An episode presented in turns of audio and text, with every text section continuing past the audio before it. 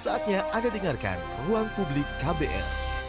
Selamat pagi, kita berjumpa kembali dalam Ruang Publik KBR bersama saya Don Brady dengan tema pagi hari ini Kenali Gangguan Pendengaran pada Anak. Saudara, sekitar 60% gangguan pendengaran pada masa anak-anak sebenarnya dapat dicegah. Karena itu penting untuk mendeteksi dan meminimalisir gangguan sejak dini. Bila tidak, prediksi WHO bahwa pada 2050 nanti akan ada 900 juta penduduk dunia mengalami gangguan pendengaran. Bagaimana mendeteksi gangguan pendengaran pada anak-anak? Apa faktor yang paling banyak jadi penyebab penyebabnya. Untuk membahas soal ini telah hadir di studio KBR Dr. Habli Warga Negara, Sekretaris Komnas Penanggulangan Gangguan Pendengaran dan Kutulian atau PGPKT. Halo dokter, selamat pagi. Selamat pagi, Pak Don. Oke, dokter, pagi ini kita ngobrolin soal kenali gangguan pendengaran pada anak. Baik. Nah, ketika bicara soal kesehatan telinga, apakah ini hanya berkaitan untuk mencegah terjadinya gangguan pendengaran atau ada kesehatan telinga itu lebih luas lagi cakupannya sebenarnya? Sebenarnya kesehatan telinga seperti seperti secara anatomi telinga kita bagi menjadi tiga bagian, mm -hmm. telinga tuh luar, tengah dan dalam. Masing-masing perlu kita jaga. Telinga luar itu seperti jangan memasukkan benda pada anak-anak suka dimasukin benda-benda pernak-pernik atau ada kotoran telinga, dia mhm. korek-korek jadi makin kesumbat. Kemudian di telinga tengah biasanya karena batuk pilek jadi infeksi, infeksi batuk pileknya naik ke telinga tengah menyebabkan uh, yang bisa awam pahami seperti conge gitu ya. Uh -huh. Yang terakhir telinga dalam yaitu saraf pendengar pendengaran. Di situ banyak misalnya terpapar bising, suara earphone dan lain-lain.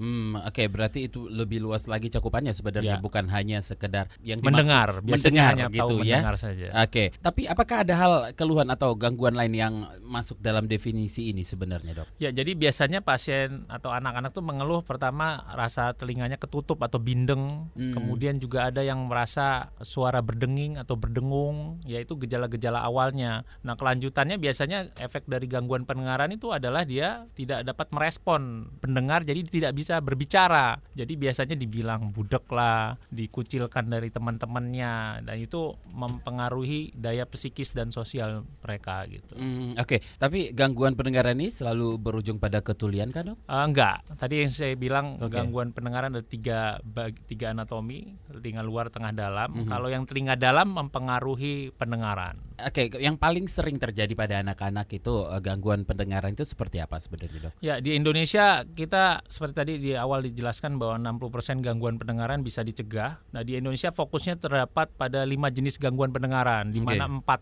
gangguan pendengaran itu fokus pada anak. Yang pertama adalah tuli kongenital, yaitu bayi lahir dengan tuli. Ini ah. diakibatkan karena biasanya 60% gang kelainan genetik, sisanya itu karena waktu hamil misalnya ibunya terkena infeksi campak, rubella, ya jadi bintik-bintik merah lagi lagi hamil, demam, nah itu bisa menyerang janinnya. Kemudian ada obat-obat juga yang mengganggu janin yang dikonsumsi oleh waktu ibu hamil, nah mengakibatkan pas lahir bayinya tuli kongenital. Kemudian dari faktor-faktor kelahiran seperti lahir prematur, berat badannya rendah, kemudian ada bayinya kuning yang sangat tinggi, hiperbilirubin mm -hmm. dan lain-lain. Mm -hmm. Yang kedua itu adalah akibat paparan bising atau suara keras hmm. ya itu seperti pola hidup mendengarkan berlebihan menggunakan headphone atau earphone yang merusak pendengaran hmm. kemudian paparan bising pada sekolah-sekolah banyak sekali ini sekolah SMK yaitu berhubungan dengan suara mesin nah itu mereka rata-rata ada yang tidak pakai pelindung telinga kemudian yang selanjutnya paparan bising arena bermain di mall-mall saat ini udah kita survei itu sound meternya itu sampai 93 sampai 128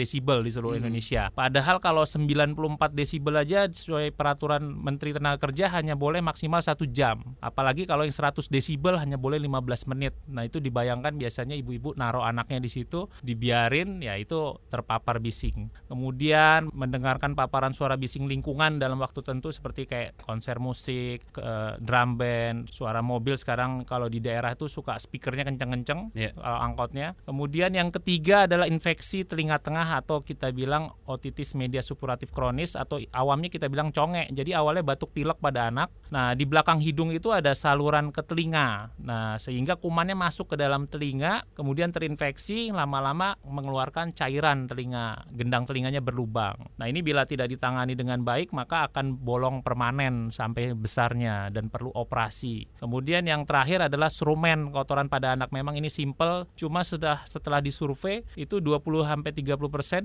eh, anak-anak sekolah dasar itu tertutup telinganya dengan kotoran yang yang cukup uh, menyumbat sehingga biasanya gurunya ketika dipanggil dia nggak nyaut. Cuma gurunya salah sangka ini dikira nggak mau dengerin atau bodoh lah dan lain-lain. Padahal ada karena hanya kotoran gitu. Oke tadi di awal dokter juga bilang kalau memasukkan sesuatu benda ke telinga anak-anak pada saat membersihkan. Sebenarnya pada umur berapa anak-anak itu bisa dibersihkan telinganya dok? Nah kalau untuk bicara membersihkan telinga jadi kita harus mengetahui bahwa secara angka satu dari 20 anak ada yang kotorannya tidak normal. Okay. Artinya tidak no, yang normal itu dia bisa menguap sendiri, keluar sendiri dengan dia makan, minum, ada pergerakan rahang, kotorannya itu akan terurai sendiri. Nah, satu dari 20 anak ada yang kotorannya padat, menyumbat dan itu perlu kontrol rutin ke dokter enam bulan sekali atau satu tahun sekali untuk dikeluarkan. Jadi kita nggak bisa pukul rata semua harus dibersihkan rutin setiap minggu, setiap dua minggu gitu. Karena kalau ada yang satu dari 20 anak itu kita begitukan, malah kotorannya makin menyumbat gitu. Hmm. Nah untuk yang 19 dari 20 itu disarankan kalau emang terlihat kotoran boleh, cuma jangan terlalu dalam karena banyak kejadian datang ke klinik kita itu kedorong lah, luka lah gitu. Jadinya malah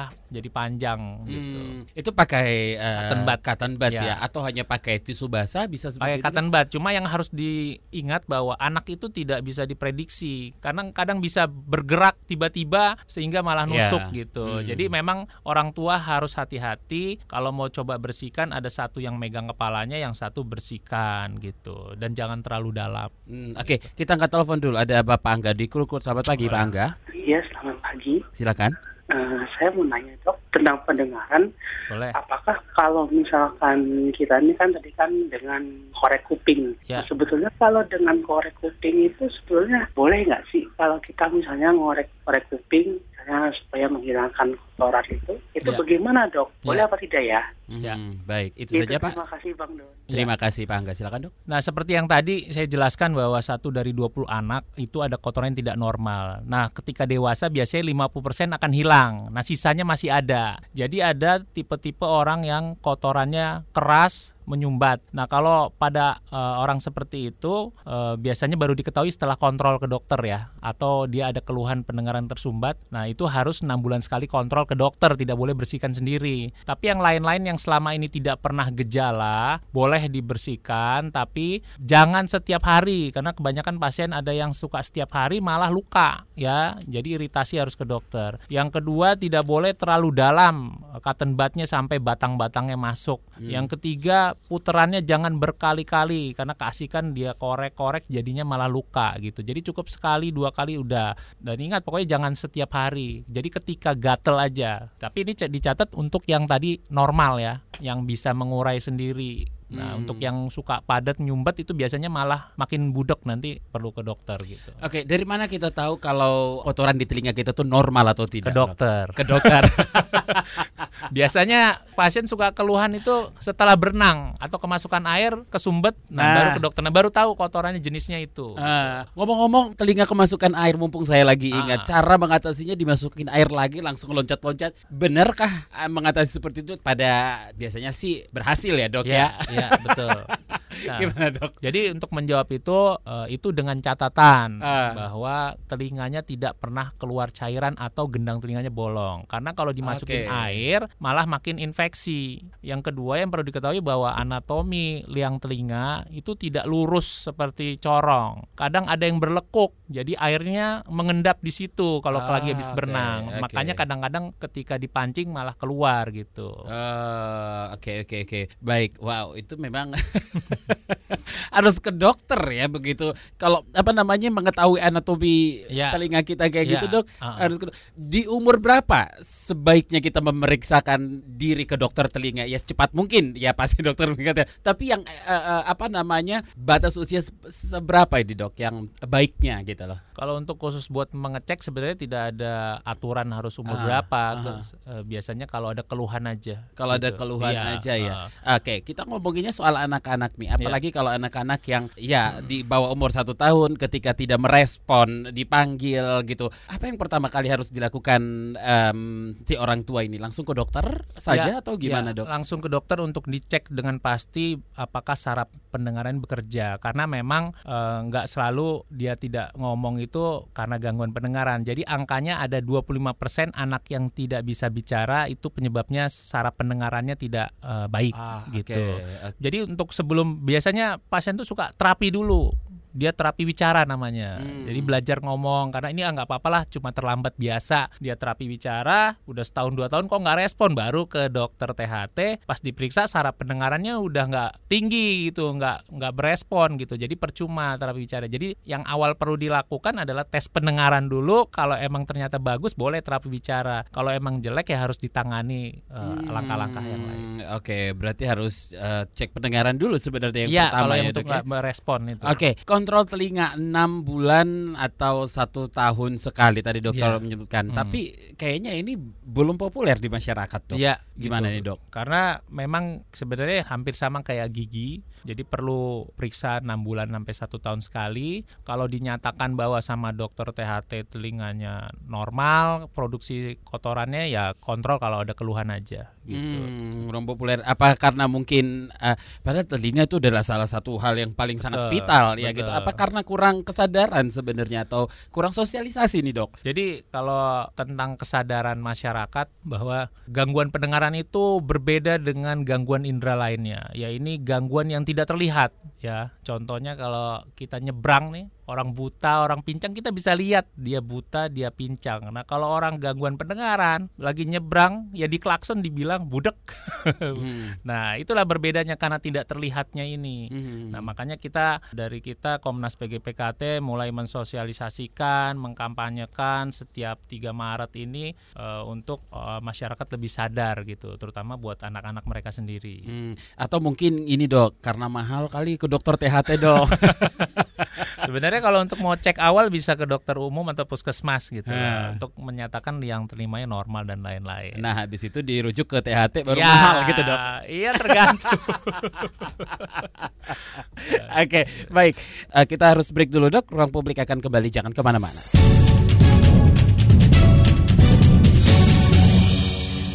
Anda masih mendengarkan Ruang Publik KBR bersama saya Don Brady dengan tema kenali gangguan pendengaran pada anak bersama Dr. Habli Warga Negara, Sekretaris Komnas Penanggulangan Gangguan Pendengaran dan Ketulian atau PGPKT. Oke, dokter masih ngobrolin soal kenali gangguan pendengaran pada anak. Apa sih tiga faktor utama yang bisa menyebabkan gangguan pendengaran pada anak? Pada anak pada anak umumnya yang pertama yang tadi disebutkan adalah surumen atau kotoran telinga mm -hmm. yang pada siswa-siswa kelas sekolah dasar. Yang kedua adalah paparan bising ya baik di lingkungan maupun pemakaian uh, lifestyle seperti pakai earphone atau headphone. Yang ketiga OMSK yaitu infeksi telinga tengah biasanya anak-anak tuh sering batuk pilek yang tadi kumannya bisa masuk ke dalam telinga lewat saluran di belakang hidung. Mm -hmm. kemudian dibiarin pilek lama-lama saluran itu sudah memenuhi telinga tengah akhirnya air airnya mendorong gendang telinga sehingga gendang telinganya jadi berlubang. Kemudian anak itu tetap berenang tetap uh, kemasukan air sehingga infeksinya tidak sembuh-sembuh sampai gedenya jadi permanen gendang telinganya berlubang. Jadi pendengarannya menurun.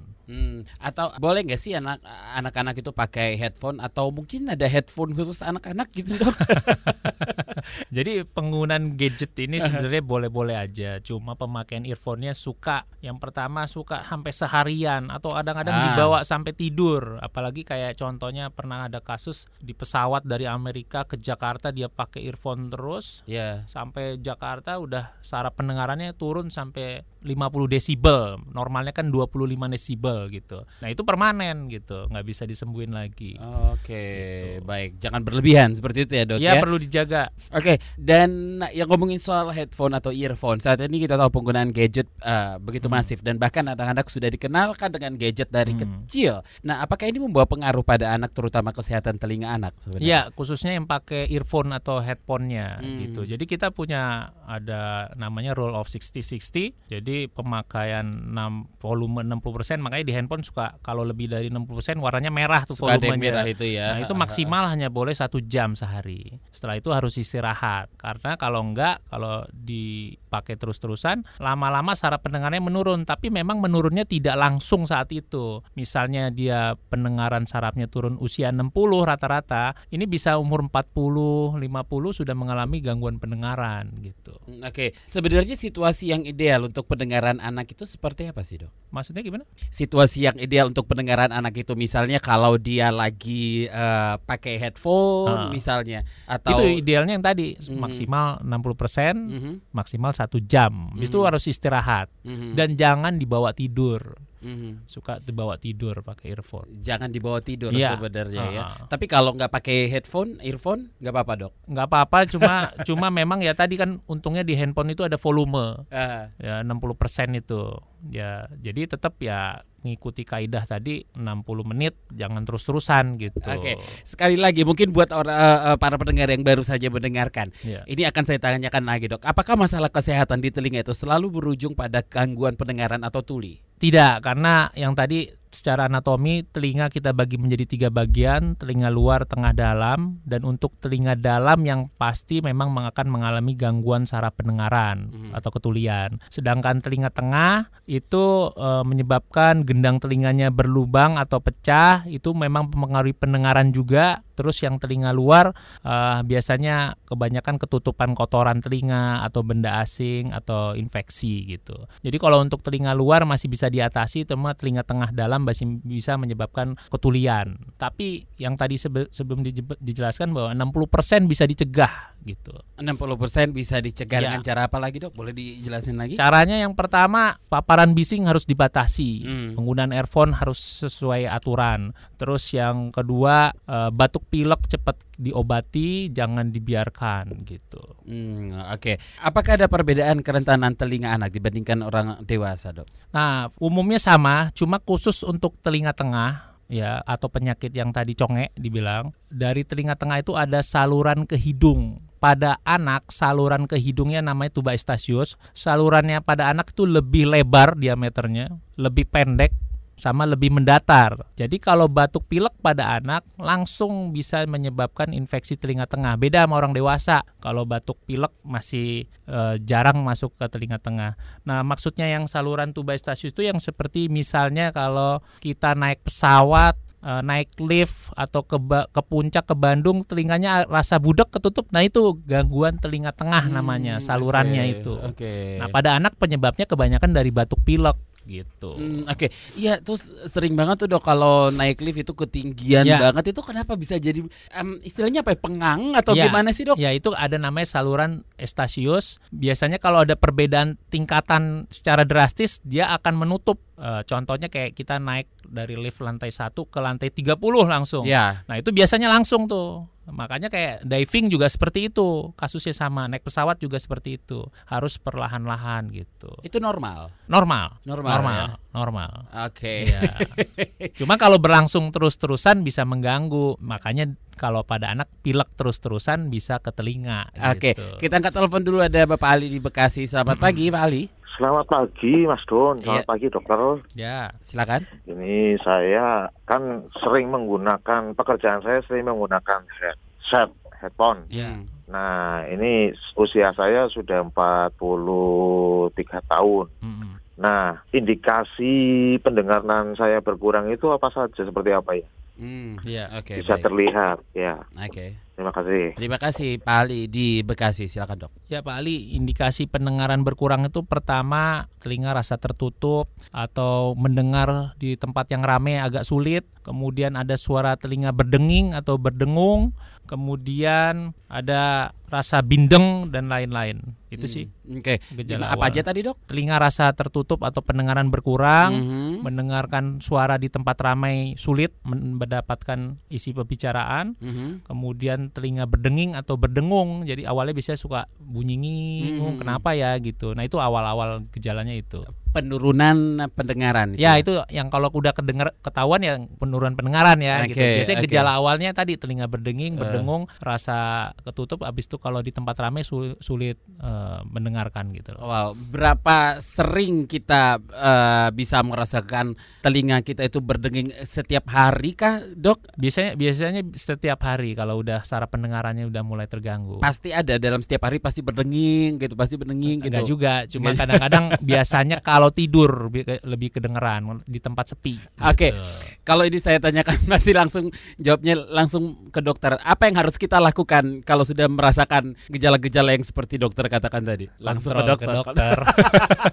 Pokoknya kan, khususnya kalau yang bekerja okay. yang pakai earphone atau headphone disarankan setahun sekali cek pendengaran namanya audiometri. Audiometri. audiometri. Oke, okay, tapi kan pekerjaan kita menuntut memakai headphone yeah. hampir setiap Betul. jam seperti saya juga yeah. ini, Dok. Uh apa ini yang harus uh, antisipasi apa yang harus kita lakukan selain ke dokter misalnya ya, ya? antisipasinya setiap tahun harus rutin melakukan pemeriksaan hmm. audiometri. Hmm. Nanti ketahuan grafiknya apakah makin menurun nggak dibanding tahun lalu. Kalau sudah mulai menurun menurun mau nggak mau pekerjaannya harus ditempatkan bagian lain biasanya kita sarankan. Hmm. Gitu. Hmm. Atau diperbaiki cara pakai earphone-nya, harus istirahat baru pakai lagi gitu. Hmm. Ini uh, apa namanya pengecekan ini bisa dilakukan hanya ya. di puskesmas atau di rumah sakit harus langsung ke Biasanya di rumah sakit besar ada, terus di rumah sakit klinik-klinik THT ada atau di tempat-tempat alat bantu dengar juga ada. Di cover asuransi BPJS nggak sih Nil? Kalau pasien BPJS di cover. Oh, cover ya? Iya. Oke. Okay.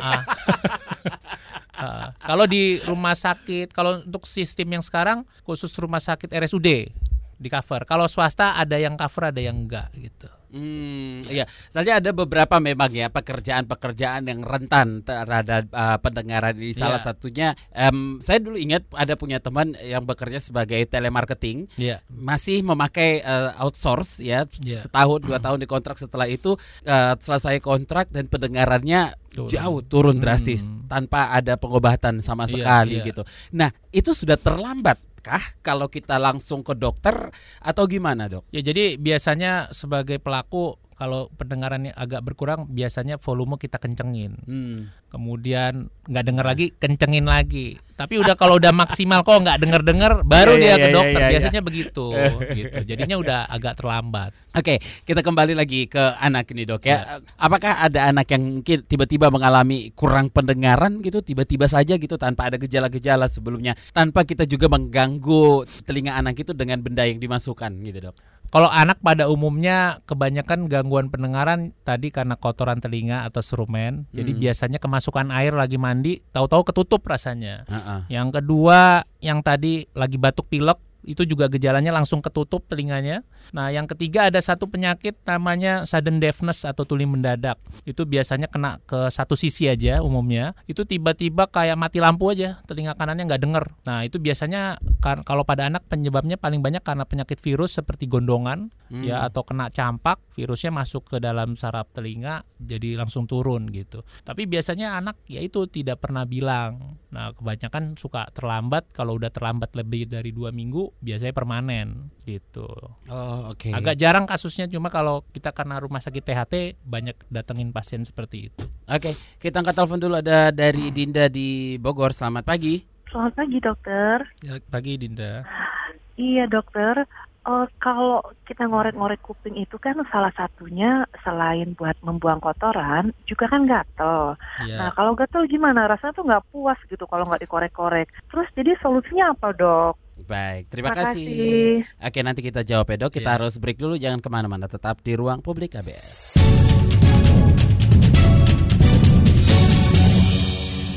Terima kasih Anda masih mendengarkan Ruang Publik KBR dan Anda bisa mendengarkan siaran ini di 100 radio jaringan kami dari Aceh hingga Papua. Kita masih ngobrolin soal kenali gangguan pendengaran pada anak masih bersama Dr. Habli Warga, Warga Negara, Sekretaris Komnas Penanggulangan Gangguan Penanggu, Pendengaran dan Kutulian atau PGPKT. Oke dokter, tadi sebelum break sudah ada penelpon dari Bogor, ada Ibu Dinda. Dinda. Korek kuping kan karena gatal, gimana menghilangkan rasa gatalnya? Semakin di korek hmm. semakin gatal semakin enak. Iya. Kira-kira seperti itu ya, nah, Dok ya. Itu poinnya adalah mesti kontrol dulu ke dokter THT. Oke. Okay. Karena ada beberapa hal bukan hanya kotoran aja, jadi bisa ada jamur ternyata. Jadi jamur itu emang khasnya gatel, dikorek makin banyak, terus tumbuh lagi. Ah. Nah itu perlu diyakinkan sama dokter itu ada kelainan-kelainan seperti jamur gak. Ada juga yang kedua kotorannya kering, jadi jenis yang surumen kering, jadi susah dikorek. Kalau dikorek nggak keluar, jadi dia nempel sama kulit. Nah itu bikin gatel-gatel juga. Yang ketiga bisa juga karena uh, pilek-pilek alergi karena tadi yang saya jelaskan di belakang hidung ada saluran telinga karena sering pilek jadinya gatalnya di telinga padahal penyebabnya dari pilek karena alergi atau rinitis alergi. Oke, mudah-mudahan bisa terjawab ya Bu Dinda ya. mudah-mudahan bukan karena jamur juga ya.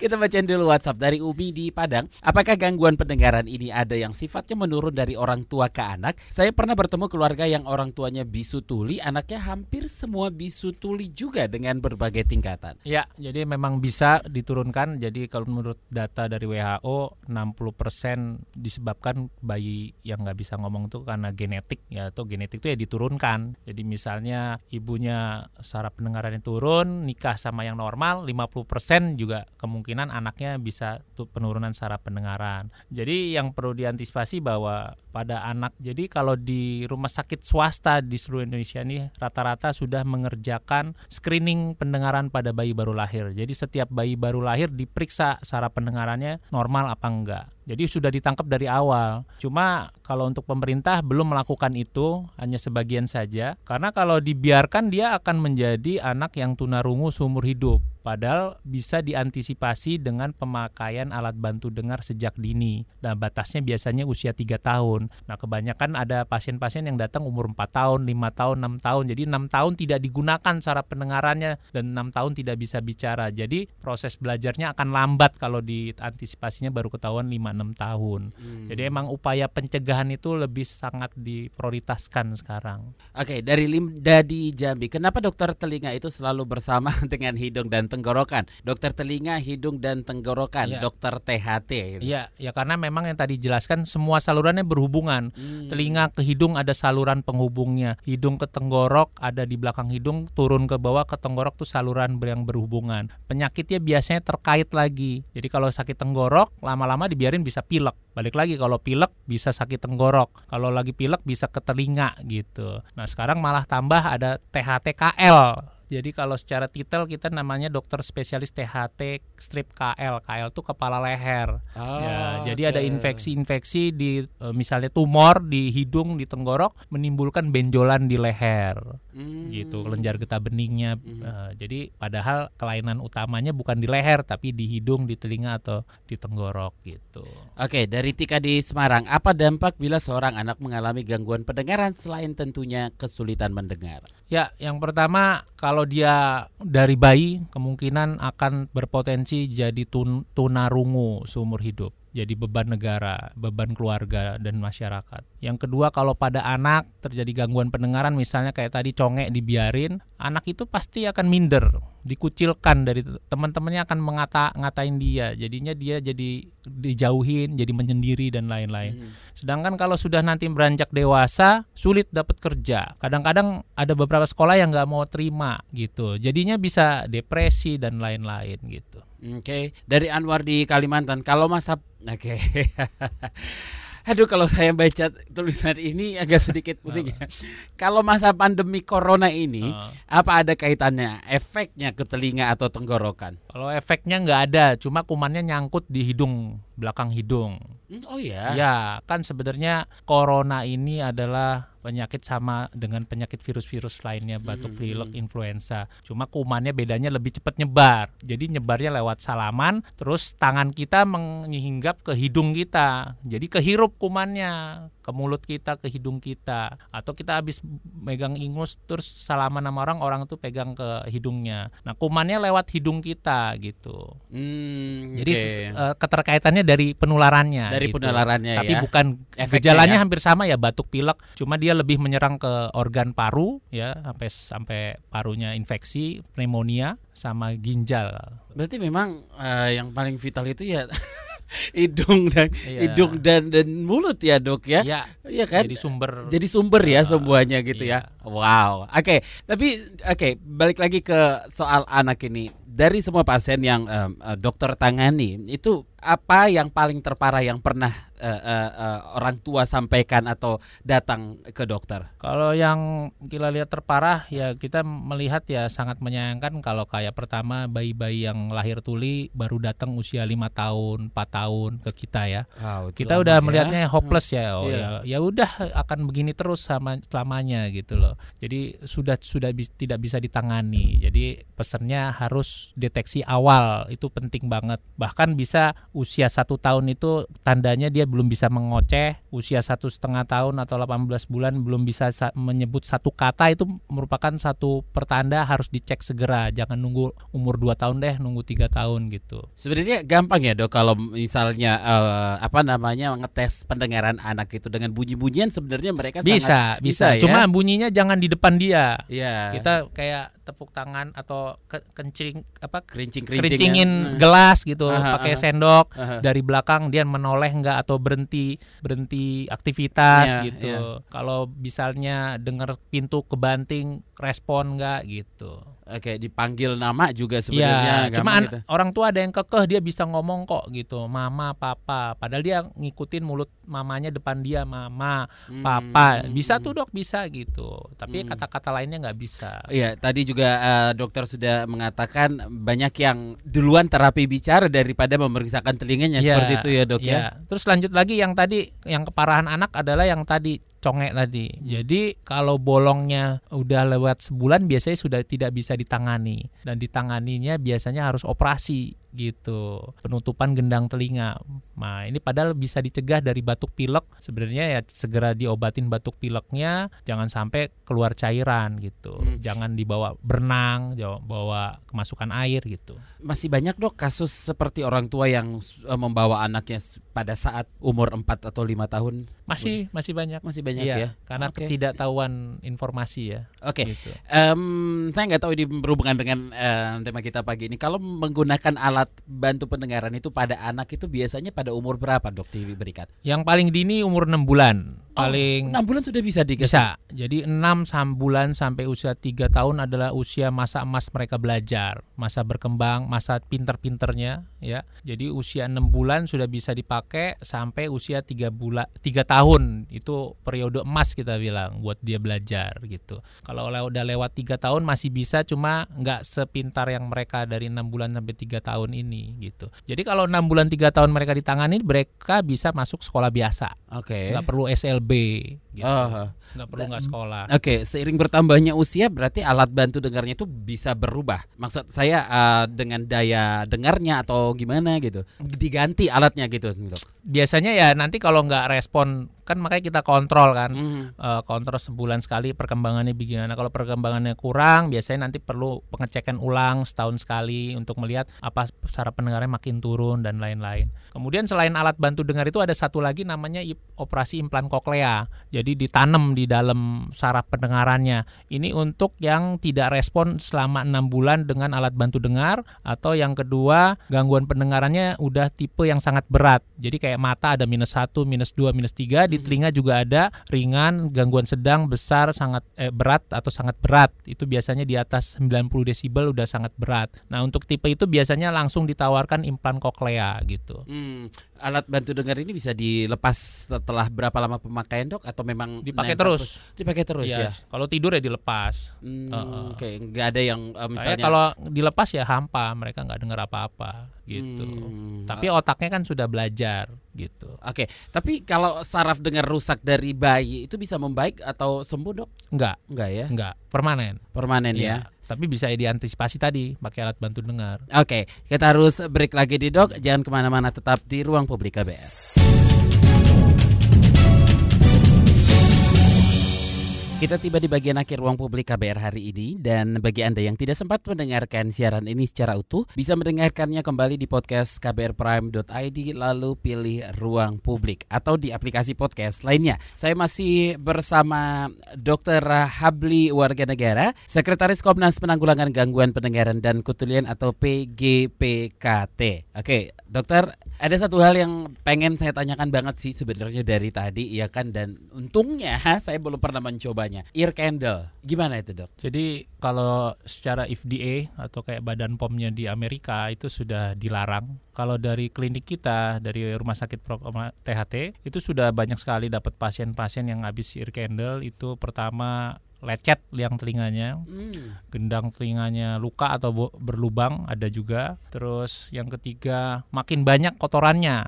Jadi biasanya ear candle itu kan kayak memasukkan lilin ke dalam telinga, kemudian literally lilin, lilin ya? Ya lilinnya dibakar. Oke. Okay. Ya kemudian jatuh ke dalam, kemudian ditarik. Nah itu kulit kulit sehatnya ketarik lah istilahnya. Hmm. Jadinya yang awalnya normal jadi nggak normal. Jadi produksi kotorannya malah berlebih. Ya kebanyakan datang ke dokter THT dengan keadaan infeksi gitu.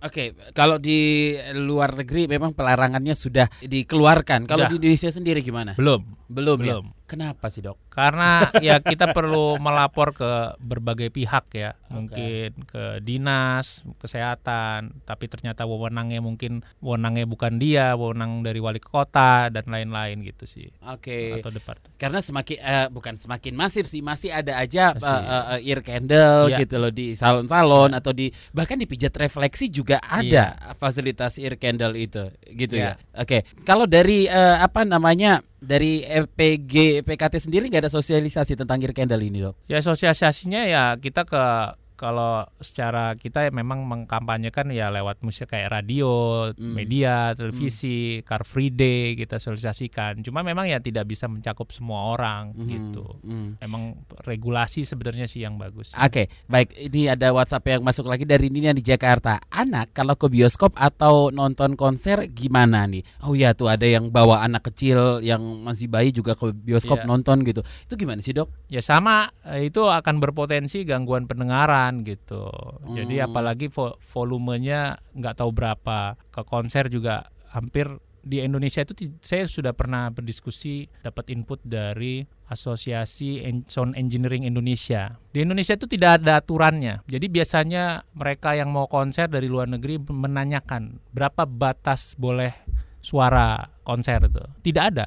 Jadi ya ah. ya dipolin aja gitu. Beda sama di luar negeri di luar negeri mereka cerita di beberapa tempat kayak di Prancis dan lain-lain itu ada batas maksimal berapa desibelnya dia boleh konser dan batas areanya. Jadi kalau lebih dari area misalnya di ujung jalan sana terdengar itu kena denda. Ada polisinya, dia pakai alat ukur gitu. Okay. Di sini belum ada aturan belum sama ada. sekali terkait bioskop, terkait konser, konser sama dangdutan yang sehari semalam. Pantesan itu, itu apalagi yang nonton banyak anak iya, kecil. Iya, iya, iya, iya. Ya, sama arena bermain tuh juga belum ada aturannya. Pantesan gitu. ya tetangga kibutan dua gang setelahnya masih kedengaran yeah. aja walaupun sayup-sayup sedikit ya.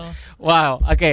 baik. Tapi um, um, ada ada headphone yang untuk menutup telinga anak-anak itu kalau pergi hmm. ke tempat bisik itu dibenarkan nggak sih dok? Misalnya kalau saya pernah ngelihat ya kalau yeah. misalnya ke uh, konser atau ke uh, nonton gitu yeah. dia dipakai headphone yang lucu lucu-lucuan yeah, itu yeah. itu tanpa bunyi-bunyian mungkin itu dibenarkan gak sih dok? Ya intinya kita harus melindungi uh, telinga ya, telinga anak gitu. Hmm. Ya sa memang salah satu caranya seperti itu gitu. Hmm, okay. Walaupun memang sebenarnya suara itu ada namanya air conduction nama bone conduction. Air conduction itu suara yang lewat udara, yang bone conduction itu melalui tulang. Jadi lewat tulang sini juga bisa dengar, yeah. walaupun sudah ditutup gitu hmm. di belakang telinga. Tapi ya lebih baik menggunakan itu sebenarnya daripada tidak sama sekali. Ya, gitu lebih ya. baik nggak ke sana sebenarnya.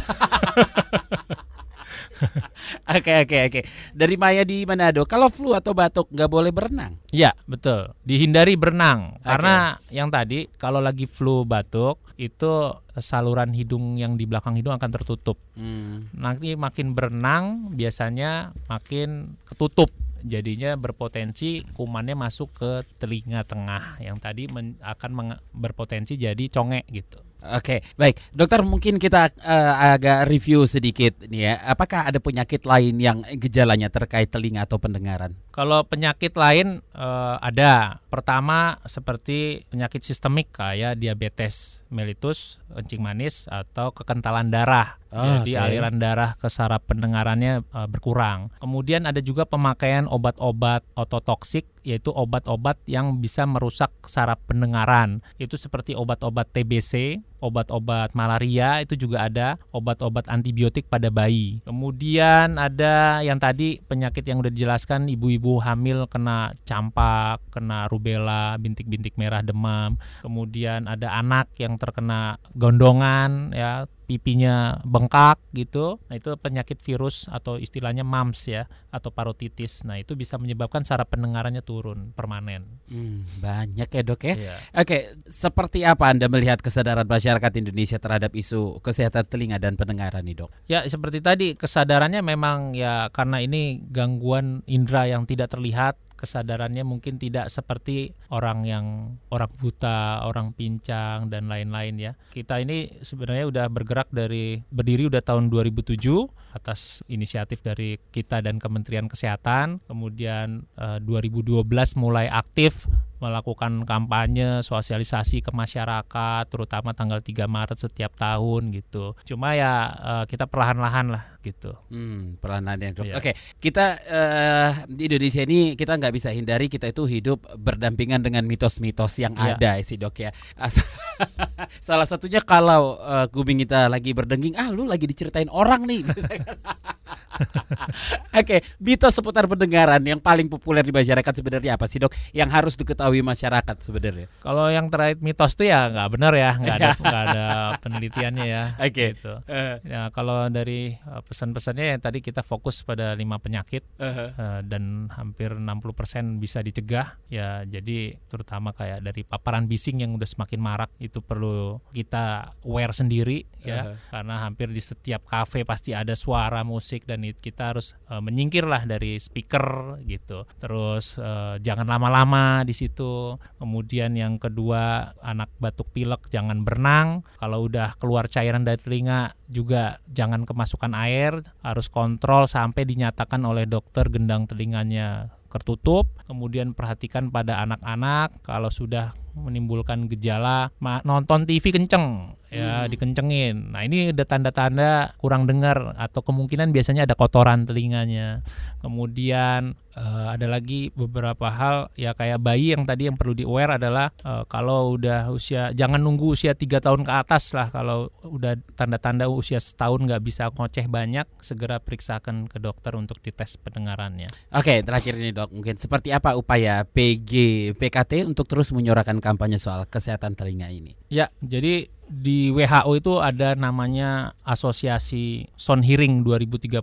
Jadi visi kita adalah tahun 2030 itu 90% gangguan pendengaran yang bisa dicegah itu bisa dihindari. Jadi tahun 2030 makin turun uh, yang gangguan pendengaran. Nah, kita ada lima program. Yang pertama, program utama kita adalah membentuk komite-komite daerah di seluruh Indonesia. Uh, sekarang ini udah ada 34 di provinsi dan 195 di kota atau kabupaten dari 514 rencananya. Kemudian membina puskesmas dengan pelatihan dan pemberian donasi irkit donasi IRKIT itu adalah uh, tas berisi alat deteksi gangguan pendengaran. Itu sudah dibagikan ke 2.800 puskesmas, melatih bidan-bidan di Indonesia agar mampu mendeteksi dini bayi baru lahir yang tuli kemudian merujuk, kemudian sosialisasi vaksin rubella membantu pemerintah untuk ibu-ibu yang rencana hamil. Kemudian yang kedua adalah program khusus. Yang pertama ada namanya Indonesia BBT hmm. yaitu baksos bersih telinga. Kita keliling ke sekolah-sekolah dasar untuk membantu mengajari dokter umum juga mengeluarkan kotoran-kotoran telinga hmm. pada anak.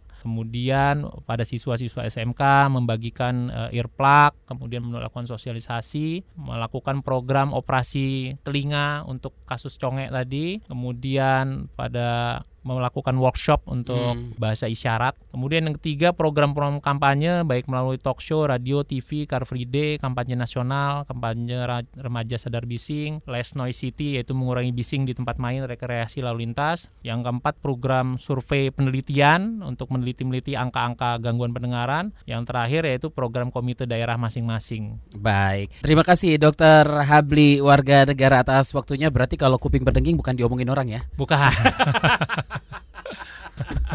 Baik, demikian ruang publik kali ini saya dan berani pamit salam. Baru saja Anda dengarkan Ruang Publik KBR.